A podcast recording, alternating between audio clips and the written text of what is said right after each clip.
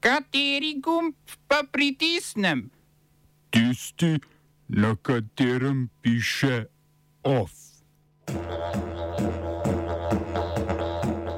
Nemčija dovolila kitajski vstop v lasništvo hamburškega pristanišča. Evropska komisija za večja pooblastila Frontexa na Balkanu. Srbija popušča Evropski uniji ukinitev brezvizumskega režima s Tunizijo in Burundijem. V kulturnih novicah Črtomir Frelih, lisice na opoldanski otvoritvi v MGLC.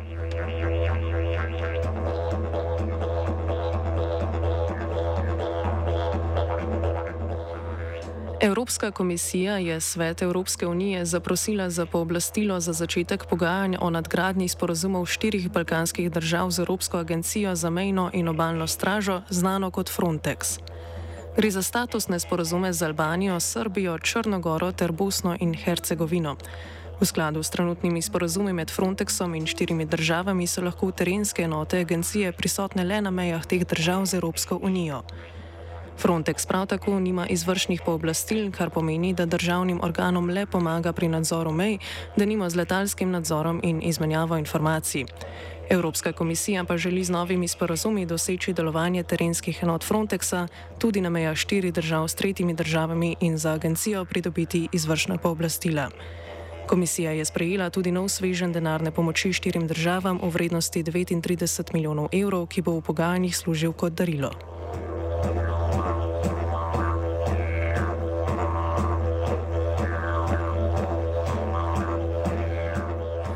Srbija je ukinila brezvizumski režim potovanj za državljanje Tunizije in Burundija. Evropska unija že nekaj časa obtožuje Srbijo spodbujanja povečevanja števila migrantov zaradi brezvizumskega režima za državljanje azijskih in afriških držav.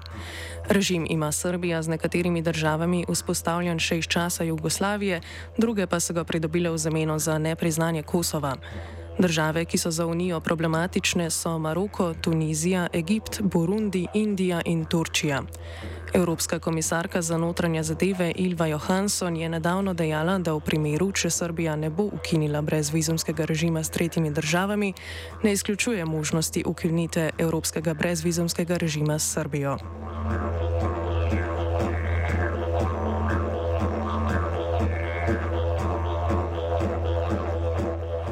Odbor Evropskega parlamenta za državljanske svoboščine, pravosodje in notranje zadeve je podprl mnenje, da je Hrvaška pripravljena na izvajanje vseh odločb šengenskega pravnega reda.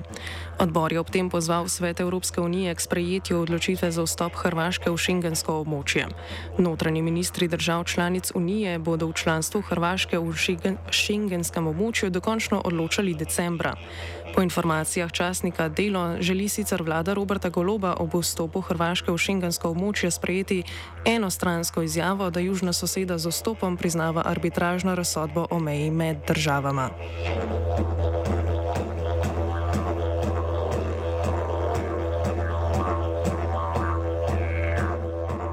Nemška vlada je s kitajskim podjetjem Kusko dosegla kompromis glede spora o nakupu deleža v enem od treh terminalov logističnega podjetja HHLA v največjem nemškem pristanišču Hamburg.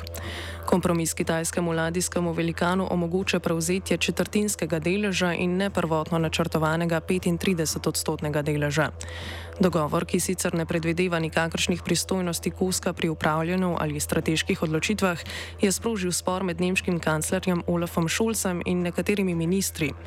Ministr za gospodarstvo Robert Habeck je izrazil zaskrbljenost zaradi prodaje nemške kritične infrastrukture Kitajski. S tem je po njegovem mnenju Kitajski omogočeno, da vpliva na elemente evropske prometne infrastrukture, medtem ko Kitajska Nemčiji ne dovoljuje sodelovanja v kitajskih pristaniščih.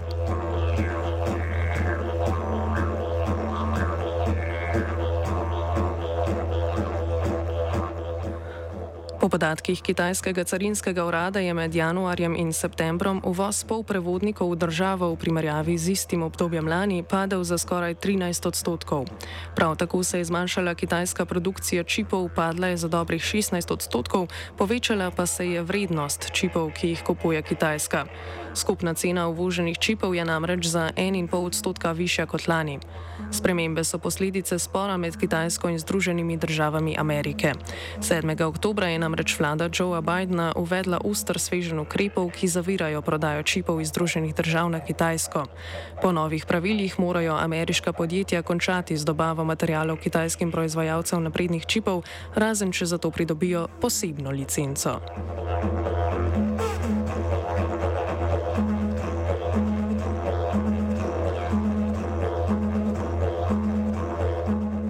Italijanski parlament je izglasoval zaupnico vladi Giorgio Meloni. Koalicija ima sodeč po glasovanju v parlamentu udobno večino 235 glasov. Desno vlado poleg Melonijinih bratov Italije sestavljata še stranki Liga in naprej Italija.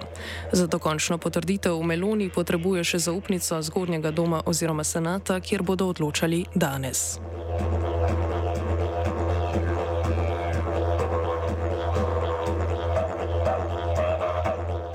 Začela so se prva mirovna pogajanja med etiopsko vlado in Tigrajsko ljudsko osvobodilno fronto v južnoafriški pretoriji. Pogovori v pretoriji potekajo pod okriljem Afriške unije in so bili sklicani z namenom končanja državljanske vojne, ki je v zadnjih dveh letih zahtevala na tisoče življenj, velik del prebivalstva pa je na robu lakote. Po ocenah Svetovne zdravstvene organizacije več kot 5 milijonov ljudi v Tigrajski regiji potrebuje humanitarno pomoč. Pogajanja vodi od poslanec Afriške unije za Afriški rog in nekdani nigerijski predsednik Olušegun Obašando. Obaša, eh, se opravičujemo. Olušegun Obašanjo, medijirata pa tudi nekdani kenijski predsednik Uhuru Kenjata in nekdani podpredsednik Južne Afrike Pumsej Lamdo Inkuka. Medijem sicer v palaču Južnoafriškega zunanjega ministrstva, kjer potekajo pogajanja, vstop ni dovoljen. Smo se osamosvojili, nismo se pa osvobodili. Naslednje število je še 500 projektov. Izpiljene modele, kako so se strani nekdanje LDS rotirali. Ko to dvoje zmešamo v pravilno zmes, dobimo zgodbo o uspehu takemu političnemu razvoju se reče udar. Jaz to vem, da je nezakonito, ampak kaj nam pa ostane? Brutalni obračun s politično korupcijo. To je Slovenija, tukaj je naša zemlja, to je Slovenija, Slovenija, Slovenija. Sindikat vojakov Slovenije in sindikat Ministrstva za obrambo očitata ministrstvu, da ne spoštuje sodb Vrhovnega in Evropskega sodišča glede zagotavljanja počitkov ter štetja in plačila delovnega časa pripadnikom slovenske vojske. Vrhovno sodišče je marca letos na podlagi predhodne sodbe Evropskega sodišča odločilo, da je treba čas vojakove pripravljenosti v obdobjih straže šteti v delovni čas. Gvido Novak, predsednik sindikata vojakov Slovenije, je na novinarski konferenci pojasnil, da je sodišče vojakov priznalo plačilo razlike do celotne višine urne postavke, saj da pripravljenost na delo na mestu po slovenski zakonodaji sploh ne obstaja. Po izplačilu iztoženega denarja vojaku so predstavniki obeh sindikatov vložili zahtevo Ministrstvu za obrambo, da v prihodnje uredi plačilo v skladu s sodbo za zadnjih pet let in izplača razliko vsem zaposlenim.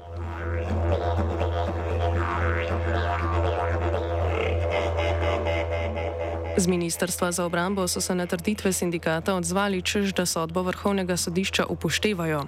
Po trditvah ministrstva se sodba nanaša namreč le na pripravljenost na straži. Odgovarja Gvido Novak. Vrhovno sodišče je ob objavi na svoji spletni strani zapisalo, da eh, pripravljenost je vsak, pri vsaki vrsti vojaške dejavnosti enaka in da jih je treba obravnavati enako. Ministrstvo v svojem odzivu na našo včerajšnjo tiskovno konferenco je zapisalo, da v celoti eh, izpolnjujejo za novelo zakona v sodbo vrhovnega sodišča, vendar to ne drži, zato ker je v predlogu zakona en stavek oziroma odstavek člena, ki govori, da se pripravljenost, ki se šteje v delovni čas, se plača enako po kolektivni pogodbi za javni sektor kot pripravljenost, ki se ne šteje v delovni čas. To pa v praksi pomeni plačilo 50% po kolektivni pogodbi na mesto 100%, kot je razsodilo vrhovno sodišče. Novak pojasnjuje še, kako bodo v sindikatu delovali, če bo ministrstvo ustrajalo pri svojem stališču. Uh, drugega nam ne ostane, kot da na sodiščih ponovno bijemo bitko. Po desetih letih smo dokazali na Evropskem sodišču in našem vrhovnem, da vojakom pripada plačilo v višini 100% urne postavke za čas, ko so v službi pripravljeni na delo na delovnem mestu, določenem kraju in uh, v nekaj dnevih bomo sprožili kolektivni spor, da se ta aneks kolektivne pogodbe za javni sektor, ki določa plačilo 50%, razveljavi, ker je nezakonit, ker v kolektivni pogodbi se lahko samo določi kaj bolj ugodno za delavca, kot pa določa zakon in zakon določa plačilo 100%, kolektivna pogodba pa pol manj. Naslednje, kar bomo storili, je to, da bomo obvestili Evropsko komisijo, da eh, Slovenija želi uzakoniti nekaj diametralno nasprotnega od tega, kar določa direktiva EU o organizaciji delovnega časa, eh, na mesto, da bi razveljavila to, kar določa zakon o obrambi, da pripravljenost ne gre, se ne šteje v delovni čas. To, če bi se to razveljavilo, bi se s tem implementirala direktiva EU, mi je še pa zdaj nismo implementirali in celo ministrstvo hoče uzakoniti nekaj popolnoma nasprotnega. Uh, naslednje, kar bomo še pa storili, je pa to, da bomo na ustavno sodišče podali zahtevo za presojo ustavnosti člena zakona o obrambi, ki določa, da se pripravljenost na delovnem mestu ali določenem kraju ne šteje v delovni čas. Premijer Robert Golop je po srečanju s predsednikom Alžirske narodne skupščine Ibrahimom Bugalijem v Ljubljani potrdil izjave ministra za infrastrukturo, infrastrukturo Bojena Kumra, ki je prejšnji teden naznanil sodelovanje geoplina in alžirskega dobavitelja zemljskega plina Sonotrah. Pogodba naj bi za prihodnja tri leta predvidevala nakup okoli 300 milijonov kubičnih metrov zemljskega plina na leto, kar je približno tretjina trenutne slovenske oskrbe. Golop pravi, da je pogodba tik pred podpisom podpisom. OF je pripravila vajenka Zala, mentorirala je Tija.